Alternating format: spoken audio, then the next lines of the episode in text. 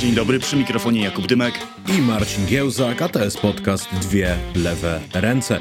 W dzisiejszym odcinku, jak widzicie, towarzyszy nam gość, pan Krzysztof Wojczal, znany szerokiej publiczności jako publicysta, analityk wypowiadający się na tematy związane z geopolityką i obronnością, no a oprócz tego prawnik, e, a o okazji mm, do tego spotkania dostarcza nam książka, która niedawno ukazała się nakładem wydawnictwa Prześwity. To jest nasza wojna, czyli Polska i Ukraina na wspólnym froncie. I muszę powiedzieć a propos tego prawnika, że książkę tą czyta się trochę jak naprawdę dobrze napisane pismo procesowe, to znaczy konsekwentnie uszeregowane argumenty. A prowadzi do B, B do C, a C prowadzi do nieuchronnej konkluzji, jaką jest e, D, więc e, muszę powiedzieć, że tak naprawdę jednym tchem przeczytałem tą książkę i chętnie, chętnie o niej podyskutuję, chętnie się o niej pospieram, e, ale jako, że mnie przypadł wstęp, no to rozprowadzające pytanie zostawiam mojemu, mojemu wspólnikowi Jakubie, o co ty byś chciał zapytać?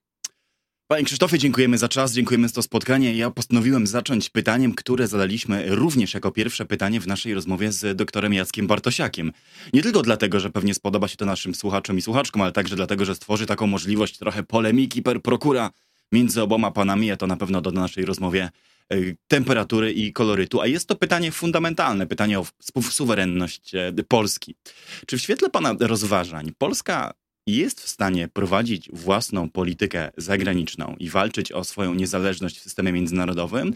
Czy jest trochę tak, że jesteśmy skrępowani zjawiskami niezależnymi od nas, geografią, równowagą sił, wolą różnych hegemonów i tak naprawdę owej polityki niezależnie prowadzić wcale nie możemy. Pytam o to także dlatego, że nawet w pańskim rozdziale poświęconym hegemonii na świecie i roli Polski w systemie, czy to jedno, czy wielobiegunowym, można odnaleźć pewne sprzeczności. Nawet na jednej stronie potrafi pojawić się stwierdzenie, że to Ameryka wybiera dla nas drogę i my z tej drogi zejść nie możemy, a zarazem pojawia się wezwanie, abyśmy jednak z tą Ameryką próbowali grać, wzmacniać swoje przewagi, czy polepszać swoją pozycję negocjacyjną względem Waszyngtonu.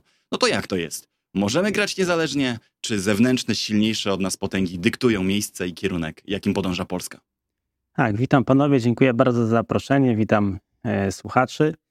E, I odpowiadając na to e, pytanie, myślę, że jedna teza drugiej nie przeczy. To znaczy, oczywiście, że są pewnego rodzaju ramy, e, w których musimy się poruszać jako państwo średniej wielkości i średnich możliwości, aczkolwiek uważam, że te możliwości na przestrzeni nawet ostatniej dekady e, znacząco się zmieniły. Natomiast, e, natomiast no nie ulega wątpliwości, że jesteśmy częścią szerszego świata, e, również NATO, również Unii Europejskiej, różnego rodzaju organizacji. No i niestety musimy podlegać pewnego rodzaju prawidłom czy pewnego rodzaju zasadom narzucanym przez silniejszych i zasadom, które również y, my współtworzymy choćby w ramach Unii Europejskiej, na, na, które się, na zasadach, na które się zgadzamy albo się zgodziliśmy już. Y, także niewątpliwie jest pewien sufit, natomiast to nie zmienia faktu, że e, powinniśmy oczywiście walczyć o swoje interesy i w ramach na przykład e, funkcjonowania, e, czy to w NATO, czy w Unii Europejskiej, czy w ogóle na arenie międzynarodowej z poszczególnymi państwami, powinniśmy jak najbardziej e, się o te interesy bić, sprzeczać, e, niekoniecznie może publicznie, ale z pewnością, no tutaj, no to chyba jest naturalne, ja mówię takie oczywistości, wydaje się, że to każdy powinien rozumieć i tutaj nie odkrywam żadnej Ameryki. Natomiast ja bym jeszcze do tego dodał jeden faktor, znaczy chodzi o czas, bo należy pamiętać o tym, że tak jak już wspominałem 10 lat temu, Polska była w zupełnie innym położeniu e, niż jest dzisiaj i za 10 lat Polska może być znowu w zupełnie innym położeniu niż jest dzisiaj, jeśli chodzi o możliwości, potencjał swój również polityczny, e, a w związku z tym należy sobie zadać pytanie, jak będzie wyglądała przyszłość, e, jak może wyglądać przyszłość i jak się do niej przygotowywać, żeby mieć jak największe pole manewru. I w tym kontekście uważam, że jesteśmy w takim nurcie, e, w którym pcha nas ten cały świat geopolityczny, e, siły e, jakby większe od nas, no i generalnie splot wydarzeń, który może sprawić, że Polska będzie miała większy potencjał polityczny, ale również, jeśli się o to postaramy sami, militarny, co znowu się przełoży na politykę, a wszystko się razem może przełożyć również na gospodarkę i wiele innych płaszczyzn. W związku z tym, w związku z tym myślę, że e, odpowiednie przygotowanie zasobów i potencjału państwa, co leży akurat w naszym, w naszych możliwościach i w naszych kompetencjach, w znacznej mierze, oczywiście nie, nie, nie we wszystkim, ale jednak w znacznej mierze, e, pozwoli nam tą swoją pozycję zwiększyć. A więc za każdym razem, kiedy będziemy przystępować do jakiejś negocjacji przy stole o jakąkolwiek sprawę, na jakiejkolwiek płaszczyźnie, no to przy pomocy tych argumentów czy tych zasobów, które sobie dzisiaj będziemy budować, będziemy mogli uzyskać lepszą pozycję. I ja na przykład postrzegam Unię Europejską jako pewnego rodzaju forum, e, które opiera się, którego funkcjonowanie opiera się na konsensusie. E, ale żeby powstał konsensus, no to muszą istnieć e, strony, które się o coś wspierają. A i, i sam spór, samo wchodzenie w spór oczywiście nie, nie rodzi tego konsensusu. Konsensus powstaje wtedy, kiedy e, strony, które się wspierają, posiadają takie argumenty, których ta druga strona nie może ignorować. E, I wówczas wypracowany jest jakiś, jakaś, jakiś środek, jakaś koncepcja, która, która umożliwia funkcjonowanie wszystkim. Tak więc funkcjonowanie w Unii Europejskiej na przykład, no ale i w NATO i w każdej innej organizacji, polega na tym, żeby budować zasoby i budować argumenty, dzięki którym możemy wchodzić w spory które doprowadzą nas do jakiegoś konsensusu, który będzie dla nas akceptowalny. E, Panie Także... Krzysztofie, Panie Krzysztofie, sekundka, bo e, co do tego, że państwo polskie powinno powiększać swoje zasoby, budować przewagi konkurencyjne i uzyskiwać lepszą pozycję przetargową względem innych, to chyba nie ma między nami sporu, bo i nie ma między, sporu między Polakami w ogóle co do tego. Chyba każdy zgodziłby się ze swoim Jasne, że powinniśmy być państwem silniejszym, bardziej sprawczym, dbającym o swoje e, zasoby, wydolność instytucji i zamożność. E, ale ja bym jeszcze dodał w takim razie, czy pociągnął troszeczkę e, ten wątek amerykański, bo do Unii Europejskiej, do relacji z Ukrainą, do relacji z Niemcami jeszcze na pewno dzisiaj przejdziemy i zapytał wprost, jak moglibyśmy wywierać na Amerykanów jakiś nacisk, czy stawiać wyższe oczekiwania, albo właśnie negocjować w sposób bardziej asertywny, gdy je, jeśli jest tak, jak pan pisze, że tak naprawdę musimy prowadzić politykę bezalternatywną, opartą na Stanach Zjednoczonych. Jeżeli oni to wiedzą, jeżeli oni wiedzą, że nie mamy innej alternatywy niż Amerykanie, to dlaczego mieliby godzić się na ustępstwa wobec nas? Tak, to jest doskonałe pytanie i tutaj trzeba by było faktycznie e, e, rozpatrywać w kontekście konkretnych przykładów, konkretnych spraw. Tylko problem jest taki, że w sytuacji, kiedy podejmujemy negocjacje jako strona polska z stroną amerykańską, no to są pewnego rodzaju szczegóły, detale, e, całe tło e, i o tym wiedzą decydenci, którzy podejmują, podejmują decyzje, a, a tego wszystkiego możemy się jedynie ewentualnie domyślać, jeśli chodzi o nas, komentatorów. Także komentowanie tego rodzaju spraw jest niezwykle, niezwykle trudne. E, będąc oczywiście podmiotem, który jest z zewnątrz i to wszystko z zewnątrz obserwuje na, na bazie tego, co jest nam dostępne, czy tego, co jest nam przedstawiane, a przecież obraz przedstawiany nie zawsze musi się pokrywać e, z rzeczywistością. Natomiast e, co do zasady, tak nieco bardziej ogólnie można mm, to w taki sposób ująć, że posiadamy oczywiście zbieżne interesy ze Stanami Zjednoczonymi i Stany Zjednoczone o tym wiedzą. Wiedzą również, że nasze bezpieczeństwo zależy od Amerykanów a więc już jakby ta pozycja negocjacyjna rzeczywiście jest w, jakimś spo, w jakiś sposób ograniczana ze strony polskiej.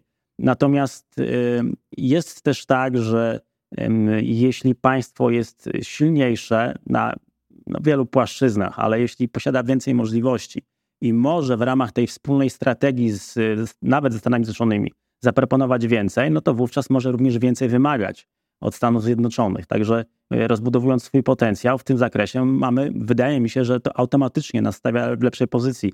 Zauważmy, jak na przykład, no oczywiście to jest zupełnie inna sytuacja, zupełnie inne państwo, inne uwarunkowania, inne partnerstwo, inna historia członkostwa w NATO, ale zobaczmy na Turcję, jak to robią Turcy. Nie mówię, żeby iść ich przykładem, ale widać, że ich interesy również są zbieżne i są w dużym zakresie zależne od tego, co zrobią Stany Zjednoczone, również w kontekście Ukrainy no bo przecież Turkom zależy na tym, żeby Ukraina pozostała niezależna, podobnie jak nam, chociaż y, oni są jednak troszeczkę dalej niż Federacja Rosyjska i e, jakby nie czują aż takiej dużej presji, e, a jednak, jednak byli w stanie tutaj, mm, zwłaszcza w zakresie e, akcesji Szwecji, do NATO, nieco się z sojusznikami pogryźć na ten temat. Także no, wydaje mi się, że mm, są pewnego rodzaju niuanse, które w danej sprawie mogą zostać wykorzystane, jeśli my o tym pomyślimy, to po pierwsze, a po drugie, jeśli mamy odpowiednie argumenty. E, Turcy posiadają takie argumenty w przypadku jeśli choćby cieśni tureckich e, i zależności również amerykańskiej od, od, od tego terytorium tureckiego, które, którym Turcy dysponują. Natomiast Polska również posiada tego rodzaju podobne argumenty, w takim sensie, że przez polskie terytorium trafia oczywiście większość pomocy na Ukrainę. E, my możemy wszystko albo usprawnić, albo utrudnić. Oczywiście w naszym interesie jest, żeby to wszystko usprawnić, żeby to szło jak najszybciej, jak najlepiej, w jak, najduży, w jak największych ilościach. Natomiast y, w pewnego rodzaju niuansach, sprawach, które, które mogą być rozbieżne, jeśli chodzi o interesy polskie i amerykańskie, to na tej płaszczyźnie możemy wynegocjować więcej, jeśli posiadamy, jeśli posiadamy no, większe argumenty, większą siłę i potencjał, generalnie rzecz biorąc. A gdzie pan dzisiaj widzi naczelną rozbieżność interesu polskiego i amerykańskiego? To znaczy, gdybyśmy teraz usiedli do stołu i mieli zamiar z Amerykanami grać, jak Jakub wzywa, bardziej asertywnie, to o co powinniśmy teraz zagrać? E, tak, to jest doskonałe pytanie i tutaj problem jest tej natury, że na przykład w kontekście Ukrainy Amerykanie mają, wydaje się, w mojej ocenie, nieco mniejsze wymagania co do, co do przyszłego pokoju i warunków tego pokoju e, niż my. My chyba mamy tutaj większe oczekiwania, a w związku z tym to buduje jednak naszą większą zależność niż Amerykanie. Ale to jest taka płaszczyzna oczywiście w kontekście w kontekście e, bezpieczeństwa na Ukrainie, bo w obu przypadkach i w, i w przypadku Stanów Zjednoczonych i Polski jednak Ukraina musi zostać niezależna, pozostać niezależna od e, Moskwy i w tym zakresie musimy współdziałać. I my raczej powinniśmy też w drugą stronę iść, to znaczy szukać naszej, naszej siły, siły w rozmowie z Amerykanami w oparciu o wspólnotę interesów, to znaczy, tam, gdzie jest, nasz interes jest wspólny, w kontekście właśnie ukraińskim, e, próbować przekonać Amerykanów, że jeśli wzmocnią pozycję Polski, wzmocnią siły zbrojne, e, ułatwią na pewnego rodzaju sprawy, to wówczas e, nasz wspólny interes będzie lepiej zaspokojony i zrealizujemy go. Tak więc jakbym na tym opierał raczej negocjacje z Amerykanami, jeśli chodzi o na przykład, bo ja rozumiem, że te pytania mają taki kontekst, no to wynegocjujmy coś od tych Amerykanów, tak, i uzyskajmy coś dla siebie. E, mhm. No i na różnicach trudno jest, y, na różnicach trudniej jest uzyskać coś dla siebie niż na kwestiach, które, do, do których się zgadzamy. E, I właśnie ta zagrożenie ukraińskie, ono samo w sobie pokazało, że jest dla nas korzystne również w relacjach z Amerykanami, ponieważ póki nie trwała ta druga inwazja na Ukrainę rosyjska, no to chyba tutaj nie ma co do tego wątpliwości, że przed 24 lutego sytuacja Polski na arenie międzynarodowej była słabsza niż w tej chwili. E, a więc y, samo to pokazuje, że e, jesteśmy w tej chwili w możliwości E, pozyskiwania na przykład kontraktów zbrojeniowych, których wcześniej moglibyśmy nie, nie uzyskać, na przykład.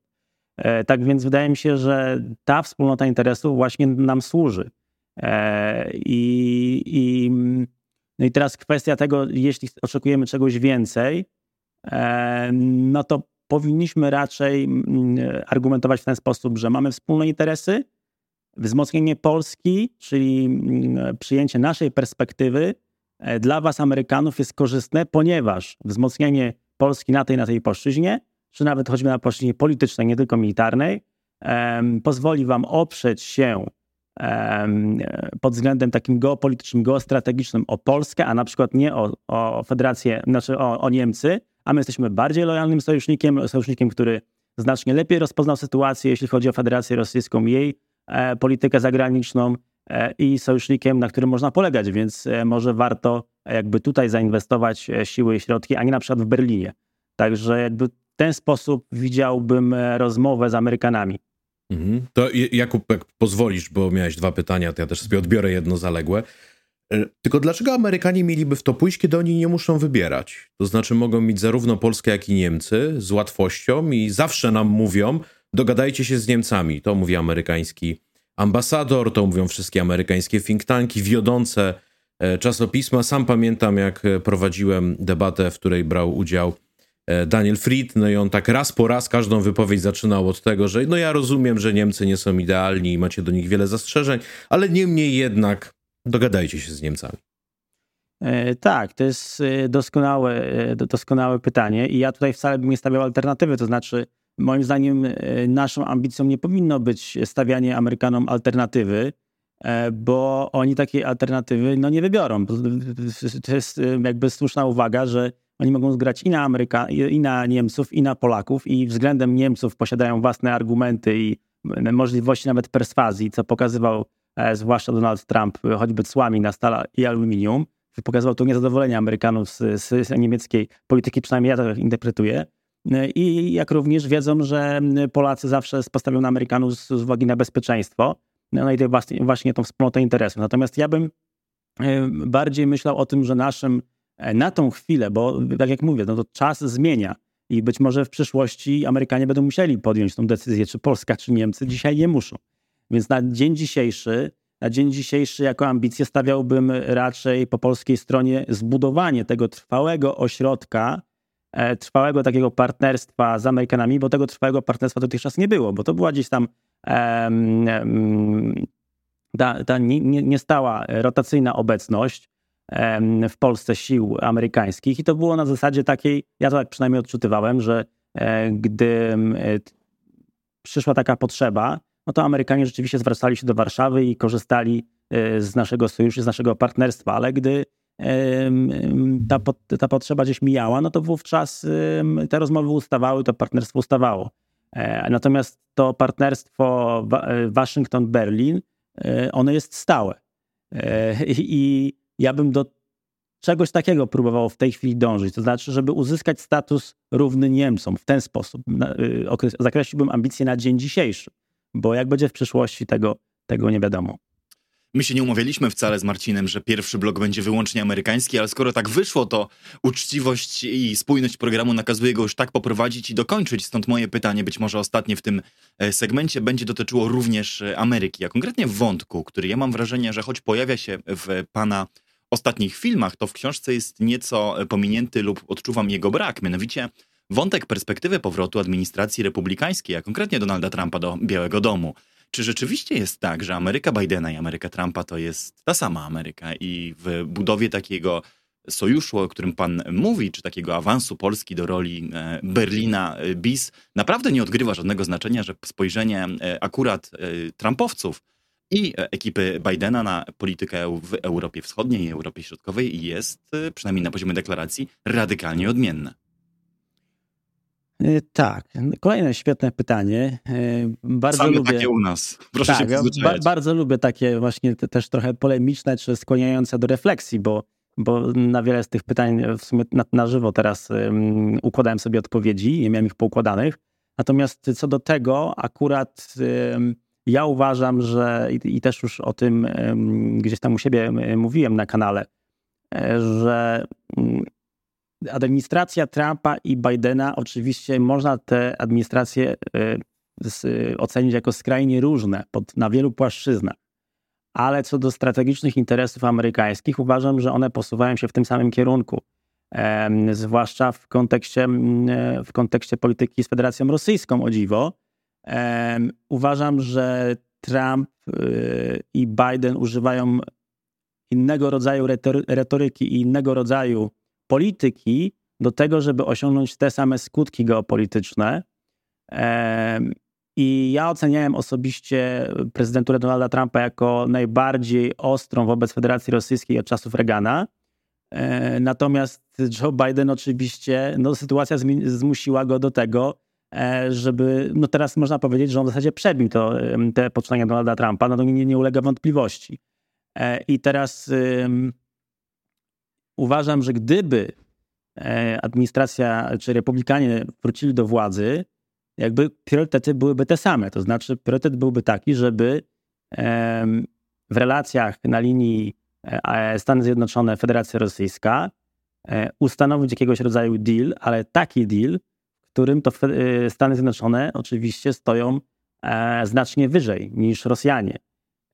I obie administracje, wydaje mi się, że czy demokraci i republikanie wyobrażają sobie inną drogę do tego, natomiast taki ma być skutek. I teraz jakby zastanawiając się nad tym, co może się stać, jeśli republikanie, e, bo jak rozumiem, to też taki jest y, szerszy kontekst odnośnie tego, że republi część republikanów w tej chwili e, mówi, że trzeba się dogadać z Putinem, że może trzeba e, zrobić to kosztem ukraińskim, że przejawia w swojej narracji takie dość ugodowe, przynajmniej my to możemy w swojej wrażliwości takiej polskiej tak to odczytywać, takie ugodowe stanowisko względem Rosji, ale ja uważam, że skutki będą podobne co za, co za poprzedniej administracji Donalda Trumpa. Pamiętajmy, że Donald Trump przed swoją prezydenturą zapowiadał ugodę z Putinem.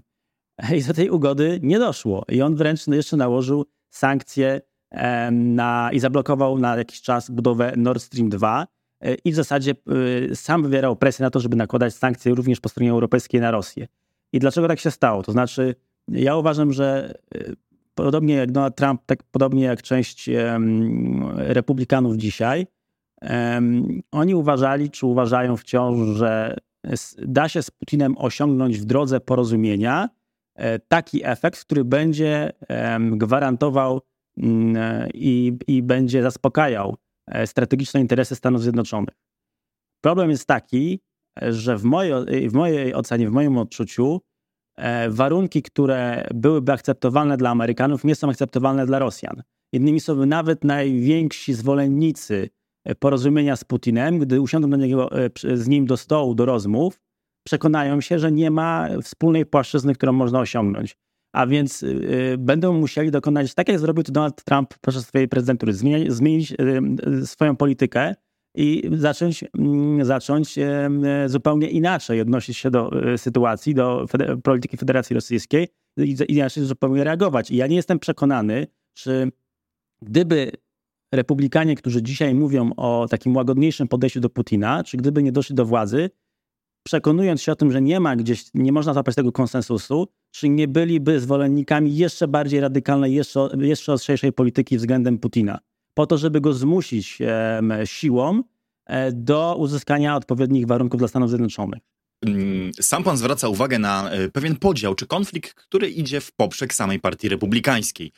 Pan nazywa to pewną łagodnością czy ugodowością. Możemy się spierać, czego wyrazem to jest tak naprawdę, ale e, zwróciłbym uwagę na wobec tego jeszcze jedną rzecz. Nie ma tego sporu w elektoracie wśród wyborców i sympatyków Partii Demokratycznej. Jeżeli poczyta się takie dość pogłębione sondaże jak YouGov Economist, które dość dobrze badają nastroje amerykańskiego społeczeństwa, to tam widzimy, że wśród sympatyków demokratów jest właściwie jednomyślność. Rosja jest wrogiem, Rosja jest głównym przeciwnikiem Stanów Zjednoczonych, trzeba mieć twardą politykę wobec Rosji, wspierać demokrację wszędzie na świecie, wszędzie tam, gdzie jest demokracja, tam Ameryka powinna przychodzić z pomocą, na Ukraina jest tym pierwszym frontem.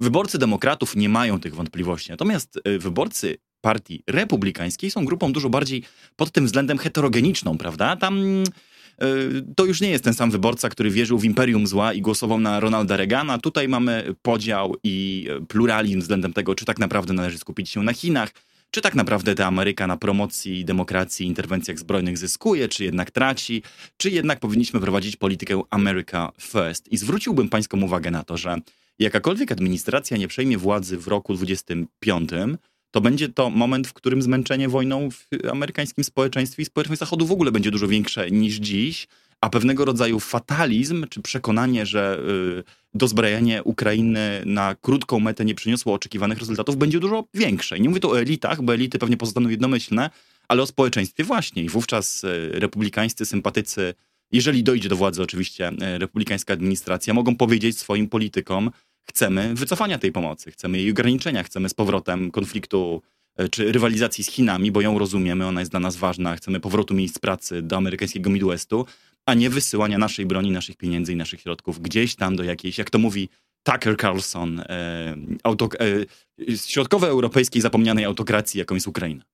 Wschodnioeuropejski. Wschodnioeuropejski, przepraszam. E, tak, w zakresie demokratów zwróciłbym tylko uwagę na fakt, że ja osobiście oceniam politykę Joe Bidena po 24 lutego jako wbrew pozorom dość zachowawczą ze strony Stanów Zjednoczonych. Oni mogliby e, pójść znacznie bardziej stanowczo niż rzeczywiście poszli. Zauważmy, jak stopniowo e, próbowali przekuć ten balonik pompowany przez Putina, czyli te groźby atomowe, e, stopniując pomoc dla Ukrainy w zakresie dostaw sprzętu i rodzaju tego sprzętu. Ja osobiście, no, jeśli tak gdzieś miałbym się zaszufladkować, to, to stałem po stronie no, tych jastrzębi, czyli uważałem, że należy od razu przekazać Ukraińcom to, co potrzebują. Samoloty, czołgi, wszystko, amunicję i tak dalej, i tak dalej. Natomiast y, gdyby, uważam, że gdyby Ukraińcy dostali ten sprzęt znacznie, znacznie wcześniej, a można było go przekazać wcześniej, czego przykładem jest na przykład Polska, która pokazała, że można bardzo szybko zorganizować pomoc i przekazać nawet ten cięższy sprzęt, E, to uważam, że Ukraińcy byliby, byliby w znacznie lepszej sytuacji na froncie niż teraz, bo mogliby wyprowadzić choćby kontrofensywę, tą jesienną, która im się bardzo powiodła. Mogliby ją w znacznie e, szerszym zakresie wyprowadzić, być może trochę wcześniej, a wówczas Rosjanie nie byli w ogóle przygotowani do obrony. Także sytuacja w tej chwili na froncie byłaby zupełnie inna. Decyzje polityczne na Zachodzie, również amerykańskie, były znacznie bardziej zachowawcze i ja oceniam to bardzo krytycznie. Natomiast w zakresie, w zakresie, no ja nie jestem specjalistą, nie jestem e, też tutaj od nauk społecznych, tutaj nie, nie, nie klasyfikuję się tutaj jako specjalista, ekspert, ani nawet pasjonat. E, jednocześnie no też nie siedzę tak bardzo w rynku amerykańskim, ale na to, jak ja rozumiem tą sytuację i ten podział e, wśród republikanów, to znaczy w mojej ocenie on, jeśli chodzi o jeśli chodzi o wyborców. On nie ma za bardzo wpływu na to, co, jak, działają, jak działają już po, po wyborach władze. No, Donald Trump przecież sam budował sobie elektorat przed, poprzednim, przed, przed poprzednią e, kadencją. Budował sobie taki elektorat właśnie, nazwijmy to ugodowy. I pomimo tego, że on budował ten elektorat u siebie w, wśród społeczeństwa, wśród, wśród wyborców republikanów, to on sam później prowadził twardą politykę względem Rosji. Także wydaje mi się, że to może nie mieć wpływu. To znaczy, y, oczywiście, że będzie znużenie e, za, za rok czy dwa, będzie znużenie tą pomocą Ukrainie, jeśli ten konflikt tak długo potrwa, ale niezależnie od tego, jaka będzie administracja, wydaje mi się, że jednak ten interes y, strategiczny w zakresie podejmowania decyzji, no on będzie przeważający, a nie to, a nie to, jakie są sympatie bądź antypatie wyborców czy społeczeństwa. Zresztą pamiętajmy, że ten mechanizm jednak działa trochę odwrotnie, to znaczy to przed wyborami, to przed wyborami wsłuchujemy się jako władze w to, mm, co mówi publika, tak? a po wyborach podejmujemy e, przeważnie najtrudniejsze decyzje, zaraz po wyborach. Także ja bym się nie obawiał tego okresu po zmianie władzy, tylko raczej E, raczej zastanawiałbym się, jak Rosjanie będą chcieli wykorzystać moment e, roku wyborczego w Stanach Zjednoczonych, bo to jest, uważam, kluczowe pytanie. Dobrze, Krzysztof Wojczal yy, mówi, że nie obawiałby się miesięcy po ewentualnym przejęciu władzy przez republikańską administrację. Będzie świetna okazja, żeby wrócić do tej wypowiedzi, spotkać się w styczniu. Może 20... się źle zestarzeć, tak, wiem. Ale, ale może też zestarzeć się świetnie. Może okaże się, że przekuł pan, nie po raz pierwszy w swojej karierze przekuł pan balonik fałszywych e, oczekiwań i, i wykazał się zdolnościami proroczymi. To zobaczymy w roku 25. No i że Deep State e, trzyma się dobrze. E, jest dwóch demokratów, o których pan, e, chyba nawet więcej niż dwóch, o których pan w tej książce pisze dobrze. E, mam tu na myśli Trumana i Kennedy'ego, wskazując na to, że zachowali się jak trzeba, podjęli właściwe działania w czasie poważnych kryzysów i że dwa razy de facto Rosjan e, ograli. Ograli Rosjan zarówno, no czy szerzej komunistów powiedzmy w Korei, to samo zrobili później przy okazji kryzysu mm, nuklearnego. No i tu, e, tu przychodzi mi na myśl takie pytanie: to jak to dealowanie, które wtedy było dla nich e, udane, bo podparli je siłą tam, gdzie trzeba, dyplomacją tam, gdzie trzeba, mógłby teraz trzeci demokrata, czyli Joe Biden, wdrożyć w życie?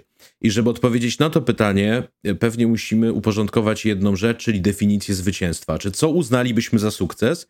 Bo tu chyba znowu my, czy Ukraińcy nawet, rozjeżdżamy się z Amerykanami. Mianowicie, jest takie e, diktum, które kiedyś opisał generał Matis, że żeby wojna była skończona powodzeniem, to cele wojny trzeba określić w sposób możliwie ścisły, zwięzły i minimalistyczny. Krótko mówiąc, pustynna burza była sukcesem, bo wiadomo było, chcemy wyzwolić Kuwait i wtedy wojna się skończyła. No a wojna roku 2003 sukcesem nie była, no bo cel demokratyzacja Iraku był zbyt abstrakcyjny. Teraz, jaki cel moglibyśmy my, jako kolektywny Zachód, postawić sobie na Ukrainie, który nie byłby przesadnie idealistyczny i po którym można byłoby powiedzieć mission accomplished, nie mając rok, dwa czy trzy lata później um, przykrego obowiązku wycofywania się z tego? Tak, ja zakreśliłem takie e, cele, które również opisałem w tej książce, mm, właśnie ogólnie dla Zachodu i również wydaje mi się, że tu nasza perspektywa polska jest bardzo podobna, prawie że taka sama jak na przykład y, amerykańska. To znaczy, e, pierwszym celem jest neutralizacja zagrożenia rosyjskiego na przyszłość.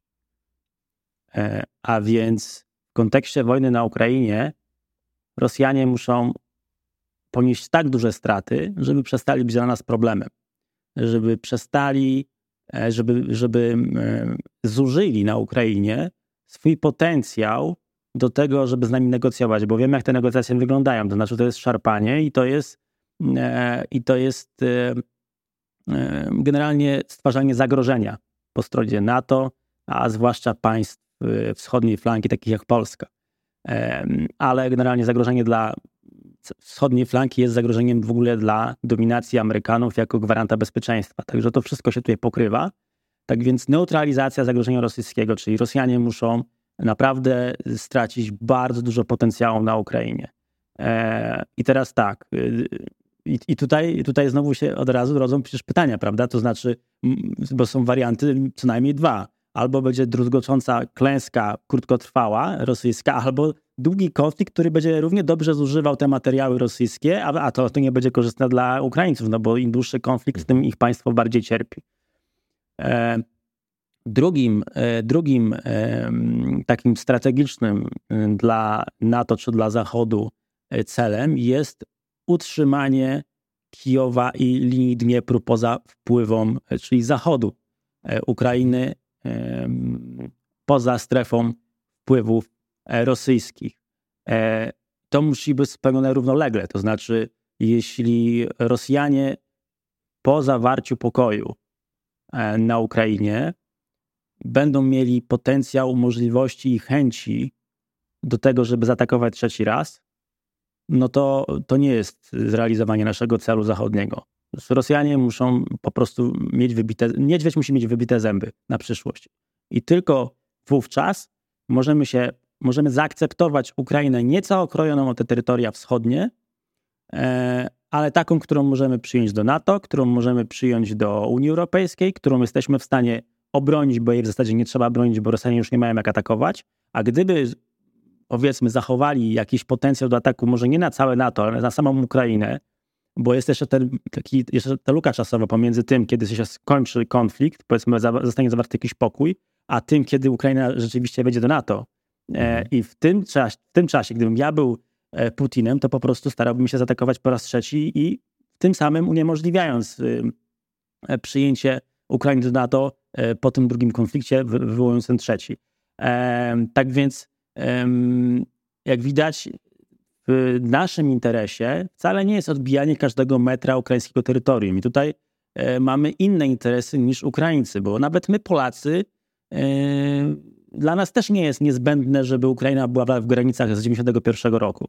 E, gdyby była w granicach z 2013 roku, y, z 2000, przepraszam, 14, e, czyli już po Majdanie i już po zajęciu przez Rosjan Donbasu, e, a nawet Krymu, to z naszej polskiej perspektywy mm, to by był taki efekt, efekt minimum, który byśmy byli zdolni akceptować. Pod warunkiem, że Rosjanie nie będą wchodzić na Ukrainę trzeci raz. E, natomiast takim wariantem optymalnym, ale jeszcze realistycznym, ja uważam, że i o co powinniśmy, o co powinniśmy się starać, uważam, że można doprowadzić do tego, żeby Krym, e, Krym wrócił na Ukrainę. E, I to może nie jest o tyle w naszym interesie polskim jakiegoś, jakoś mocno, ale wyobraźmy sobie, to jest taki eksperyment intelektualny, który, taki przykład, który lubię podawać, ale wyobraźmy sobie flotę US Navy albo Royal Navy e, stacjonującą w Sewastopolu. E, mhm. Spójrzmy na mapę, zobaczmy, gdzie to jest i jaki to ma wpływ na kontrolę Morza Czarnego. E, to jest też świetna perspektywa dla Turków, którzy przecież e, Morze Czarne traktują w zasadzie jako wrogie, wrogie terytorium, można powiedzieć, jako granicę, jako, jako strefę, z której Rosjanie mogą Turkom zagrażać ze strony północnej.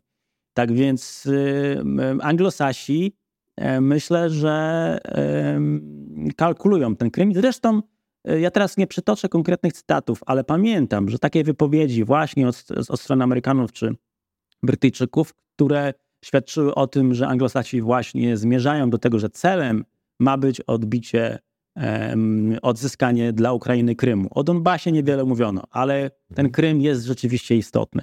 Tak, bo tu pan bierze rozwód z tym, co uważa większość polskiej klasy dyskutującej, która mówi, że Krym jest właściwie stracony, a może nie trzeba tego głośno mówić, ale tak jest w istocie, ponieważ on jest częścią już Federacji Rosyjskiej, atakowanie go może być mm, nadmiernie ryzykowne, jeżeli chodzi o rosyjską odpowiedź, a po drugie, ten Krym da się po prostu odciąć od reszty Rosji, zagłodzić go, zamienić go tak naprawdę w, w półwysep pustynny, na którym nie będzie dało się żyć, ale jak najbardziej do odzyskania jest Donbas, no bo to jest tylko kwestia efektywności kontrofensywy. Pan de facto mówi odwrotnie.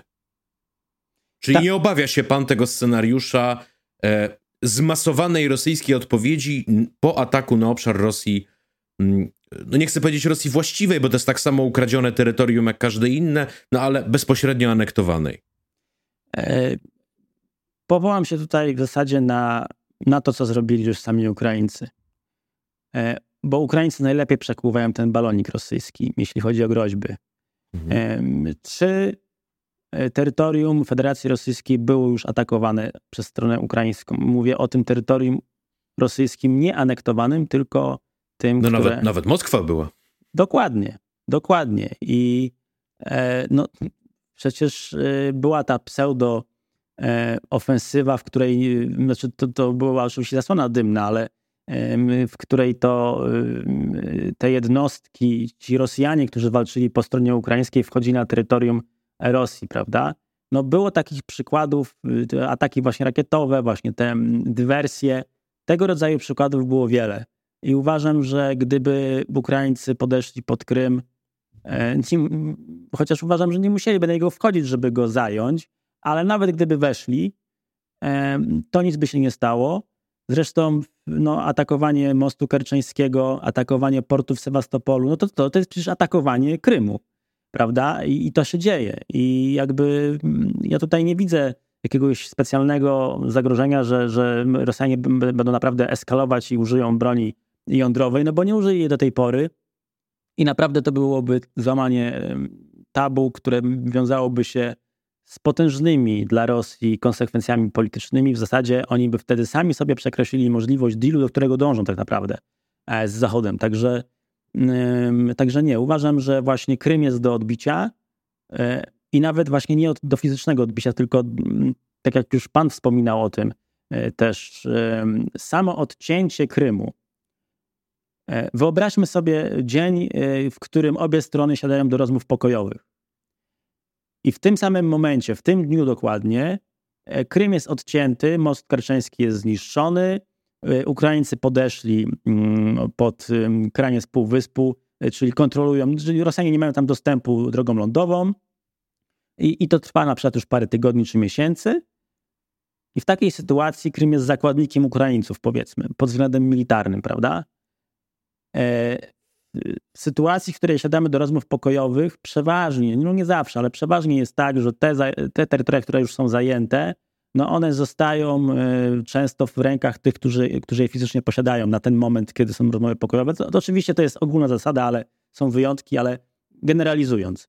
Ale właśnie takim dobrym wyjątkiem jest sytuacja, w której dane terytorium jest okrążone, odcięte i wiadomo, że one wcześniej czy później upadnie i wtedy łatwo jest argumentować, że one musi wrócić do tej strony, która oblęża, prawda?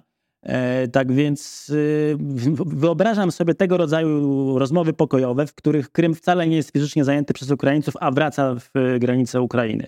Z Donbasem jest zupełnie inna sytuacja. Ja uważam, że pod względem militarnym, i to tylko i wyłącznie aspekty militarne do mnie przemawiają w tym zakresie, pod względem militarnym nie będą w stanie Ukraińcy odbić, e, zwłaszcza tych wielkich aglomeracji miejskich jak Donieck, Donieck czy Ługańsk, które trzeba po prostu okrążyć. To jest przecież, to jest przecież wszystko na lądzie. Tam jest mnóstwo e, dróg, e, zaopatrzenie można dowozić tak dalej, tak dalej. Więc trzeba to wszystko odciąć, okrążyć. Żeby okrążyć takie duże aglomeracje, trzeba potężnych sił. Żeby sforsować się i zdobyć te aglomeracje, jeszcze większych sił. Naprawdę fizycznie to może być niemożliwe do osiągnięcia dla ukraińskiej armii, jeśli Rosjanie będą mieli na tyle duże morale, żeby bronić i determinację, żeby bronić tych miejsc. Tak więc ja zawsze uważałem, że Donbas jest nie do odbicia e, dla Ukraińców, e, i, a Krym jest realnym, realnym celem, zwłaszcza, że odbicie Donbasu nie jest dla nikogo innego ważne jak dla samych Ukraińców. Natomiast e, odbicie Krymu, jak już wskazałem wcześniej, opłacałoby się wielu graczom. Cieszę się, że przenosi Pan rozmowę na te pole, bo i tego dotyczy moje kolejne pytanie, mianowicie zderzenia oczekiwań z rzeczywistością. Wiele nasłuchaliśmy się w ostatnich latach, jak to wojna stanie się wyłącznie cyfrowa, jak to o przewadze na polu bitwy zdecydują na przykład e, samodzielne, autonomiczne statki powietrzne, jak wszystko przeniesie się do cyberprzestrzeni i tak dalej, i tak dalej. Tymczasem fiasko to może mocne słowo, ale niepowodzenie ukraińskiej kontrofensywy, tej letniej, tego roku, dowodzi yy, rzeczy prawdziwych na temat współczesnego pola bitwy, współczesnej wojny, które były równie prawdziwe i 100 lat temu. Mianowicie Rosjanie osiągają zdolność do obrony zajętych terytoriów dzięki tak prymitywnym metodom jak skuteczne zaminowanie terenu, bo okazuje się na przykład, ja ekspertem od wojskowości nie jestem, ale czytam u lepszych ode mnie, że po prostu na przykład Zachód nie ma tylu sprawnych wozów takich do, y, demi, de, do Rozminowywania. Rozminowywania, dziękuję. Chciałem użyć anglicyzmu. Dziękuję Marcin za przyjście mi z pomocą do rozminowywania pola bitwy, które mo można by w porę dostarczyć. Po prostu nie ma na stanie tylu, tylu wozów czy takiej zdolności do rozminowywania zajętych terenów. Okazuje się, że prymitywne, znaczy nie tyle prymitywne, co po prostu sprawdzone przed ich 100 laty fortyfikacje, okopy i zasieki odgrywają e, niebagatelną rolę. Jak w e, pańskich oczach, bo jest pan przecież analitykiem, który zajmuje się i nie tylko analizą na bieżąco, ale i prognozowaniem scenariuszy, ten konflikt tego, co oczekiwane z tym, co możliwe, wygląda dziś, po tych kilku miesiącach, gdy najpierw byliśmy przyzwyczajani do myśli, że skuteczna kontrofensywa jest w zasięgu ręki i zderzenia tego z jej realnie bardzo wolnym e, postępowaniem naprzód i rozbijaniem się, jak powiedziałem, o metody prowadzenia wojny sprzed kilkudziesięciu, jeśli nie stu lat. E, tak, wątek e, kontrofensywy i jej skuteczności znaczy, to bardziej jest ofensywa, tak naprawdę bardziej też działania zaczepne. To może miała być ofensywa, ale, ale aż tak tego nazywać nie można. E, ja miałem w tym zakresie niestety wiele obaw, które już na początku tego roku też wygłaszałem. To znaczy, no, zdawałem sobie sprawę z tego, że właśnie przygotowanie do obrony rosyjskie może niestety odgrywać bardzo istotną rolę. I no cóż, no to pan, pan sam jakby zawarł odpowiedź w swoim pytaniu, to znaczy te metody, które były stosowane dotychczas, e, one rzeczywiście się sprawdzają w, w wielkim zakresie. E, natomiast co do tego, e, jak bardzo sobie wyobrażaliśmy przyszłą, przyszłe pole walki w zakresie tych nowych technologii, a jak to się skończyło na Ukrainie. Należy pamiętać o tym, że na Ukrainie trwa konflikt. Ta wojna, ona nawet nie odzwierciedla tego, co się działo w XX wieku, w II wojnie światowej, czy nawet w pierwszej. Z tego względu, że e, obie strony walczą, można powiedzieć, jedną ręką. Nie używają wszystkich zasobów możliwych do użycia, bo nie są w stanie. Rosjanie nie używają lotnictwa tak, e, w takim zakresie, w takiej skali e, i do tego rodzaju operacji, do jakiej byli zdolni jeszcze za czasów zimnej wojny. Lotnictwo ukraińskie jest zbyt Albo małe, by odgrywać e, dużą rolę.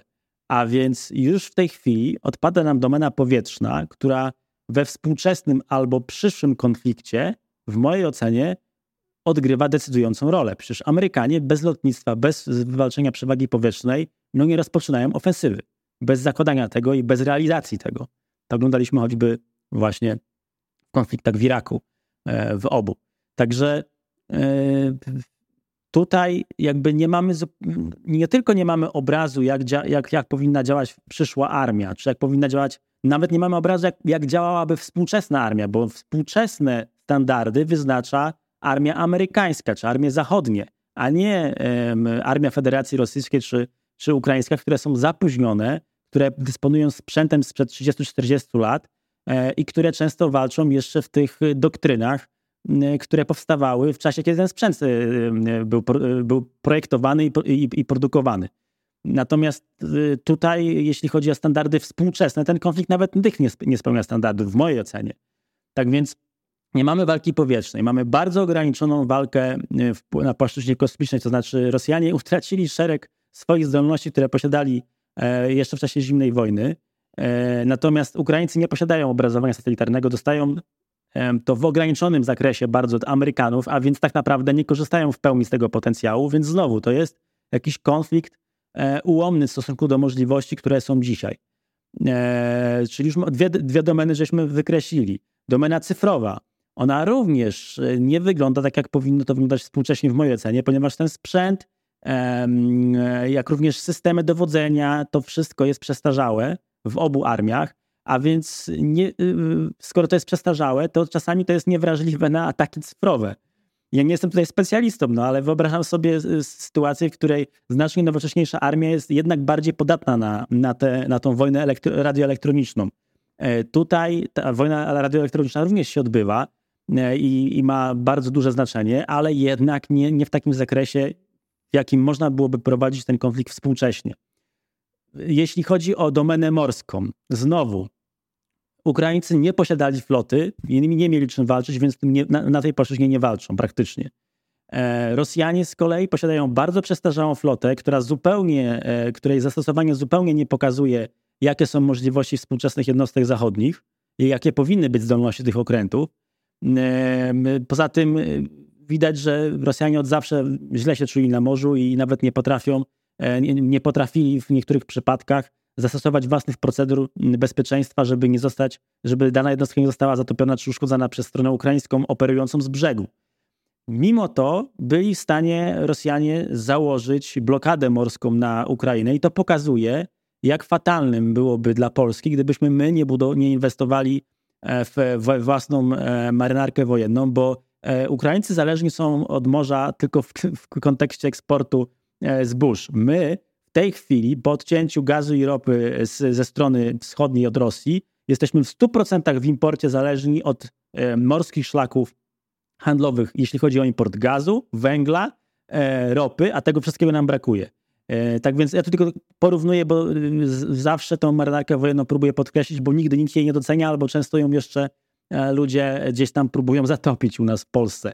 E, dlatego, dlatego pozwalam sobie zawsze tutaj troszeczkę więcej słów powiedzieć na ten temat. Tak więc nie mamy domeny kosmicznej rozwiniętej, nie mamy do, przez e, domeny powietrznej rozwiniętej na tym polu bitwy, nie mamy domeny morskiej, mamy tylko i wyłącznie e, taką, znaczy nie tylko i wyłącznie, ale w dużym, dużym zakresie mamy przeprowadzoną walkę lądową, walkę lądową, na której jednak ten manewr jest kluczowy, czy poruszanie się wojsk jest kluczowe, a więc znowu to minowanie dlatego okazało się takie skuteczne. No bo bez manewru nie można przeciwnika okrążyć, zniszczyć, zdobyć przewagę i tak dalej, i tak dalej. Tak więc y, to, co, to, to, to, jak się ten konflikt na Ukrainie w tej chwili toczy, to w mojej ocenie my nawet nie obserwujemy, y, to nawet nie oddaje tego, co się działo w II wojnie światowej, gdzie w II wojnie światowej naprawdę były, y, no oczywiście nie było domeny kosmicznej czy cyfrowej, ale była pełna, był pełen, konflikt pełnoskalowy w zakresie domeny morskiej, pełnoskalowy w zakresie domeny powietrznej. A tu, już nawet tutaj tego nie mamy. Tak więc, y, a to jak będą wyglądać jeszcze konflikty w przyszłości? Ostatnio pisałem taką analizę, y, ale też y, chyba z półtora roku temu też poruszałem ten problem w kontekście samej dronizacji, nazwijmy to, pola walki.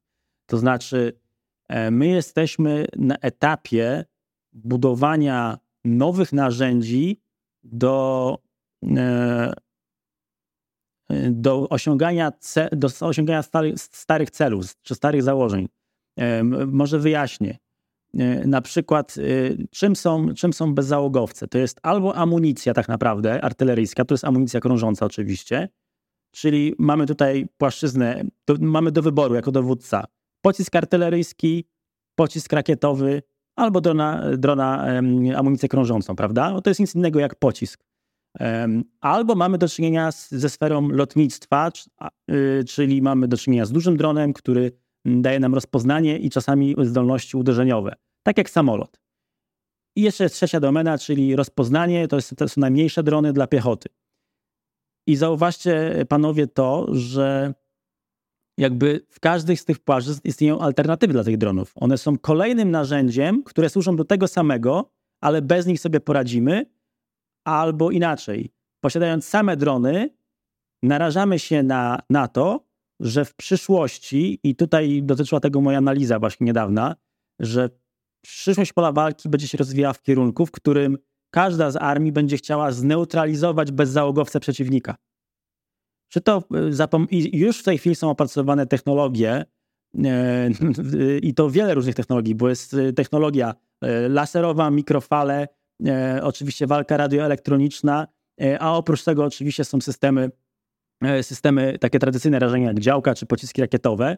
To wszystko ma neutralizować drony. I teraz przyszła armia, w mojej ocenie, ona oczywiście powinna dysponować dużą ilością dronów. To, bez, to jest, tutaj nie ma, nie, ma, nie ma sporu, ale przyszła armia powinna umieć funkcjonować bez tego rodzaju narzędzia, narzędzi i powinna dysponować y, z tego względu, że jeśli zostaną zneutralizowane, to trzeba sobie jakoś radzić. I z drugiej strony powinna stawiać i powinna rozwijać systemy, które zneutralizują bezzałogowce przeciwnika. I, I przyszła wojna może tak właśnie wyglądać. To znaczy, y, tak jak jest dzisiaj. Dzisiaj na Ukrainie y, obrona przeciwlotnicza ukraińska zneutralizowała przewagę powietrzną rosyjską i Rosjanie nie są w stanie, zresztą Rosjanie może by, byliby w stanie przebić tą obronę powietrzną, gdyby posiadali te pociski, które posiadali podczas zimnej wojny, czyli e, przeciw, e, przeciw systemom radiolokacyjnym. Ale to jest jakby, no już temat, naprawdę wchodzimy w technikę, która zresztą też się przykłada później na te cele operacyjne i strategiczne. No, trzeba jakby o niej wiedzieć, dlatego też się w tym jakby staram się kształcić. Natomiast tak jak na Ukrainie to lotnictwo zostało zneutralizowane, tak w przyszłym konflikcie, kiedy nam dzisiaj się wydaje, że drony zawsze dotrą do celu, może się okazać, że te drony okażą się bezużyteczne, bo, bo właśnie przeciwnik zneutralizuje e, możliwości, czy, czy bardzo ograniczy możliwości ich e, oddziaływania. Także e, ja ostatnio tą analizę pisałem w kontekście takim, że jeśli bardzo mocno rozwijamy technologię e, w zakresie łączności, obserwacji satelitarnej, dronizacji, czy tam wprowadzania tych systemów bezzałogowych na polu walki, to wszyscy będą rozwijać systemy, które będą w stanie zneutralizować te przewagi wynikające z technologii, a więc przyszłe armie będą musiały umieć funkcjonować dużo mocno upraszczając, tak samo jak te armie z XX wieku. Będą musiały się bez tych wszystkich, będą musiały umieć się obsłużyć bez tych wszystkich zabawek, e, które sobie wyobrażamy, że one nam tutaj zmienią strasznie sytuację na polu bitwy. Oczywiście, mhm. wiadomo, to wszystko zależy od sytuacji na polu bitwy, czy dane narzędzie będzie dobrze wykorzystane, czy one zostanie wykorzystane, czy zostanie zneutralizowane. Ale tak generalnie uważam, że cały czas postępuje ewolucja w rozwoju sił zbrojnych, w rozwoju technologii wojskowych. E, ja nie dostrzegam żadnego punktu takiego rewolucyjnego, który powinien nam E, otworzyć nie wiem, oczy i, i żebyśmy stwierdzili, że musimy teraz wszystko przeorientować się na zupełnie nowe armie, na zupełnie nowe wzory i myśleć zupełnie inaczej. Mhm. To przywróćmy na sekundę ten e, czynnik ludzki, bo jedna ciekawa domena, może subdomena, którą tam wojna pokazała, to są tacy aktorzy niepaństwowi na polu bitwy. Mm, Rosjanie mają swoją grupę Wagnera, o której było i jest cały czas bardzo głośno. Ja mam w ogóle takie wrażenie, że my mamy E, straszydło miesiąca. Kiedyś mówiono, że specnaz wszystko pozamiata, później, że pierwsza gwardyjska armia pancerna. Jedni i drudzy się skompromitowali, no więc teraz grupa Wagnera jest tym wszechmocnym przeciwnikiem. Ale i po stronie ukraińskiej mamy mm, no, taki swego rodzaju freikorps kultur, to znaczy tworzą się e, jednostki ochotnicze, które następnie armia anektuje, ale zachowuje ich autonomię.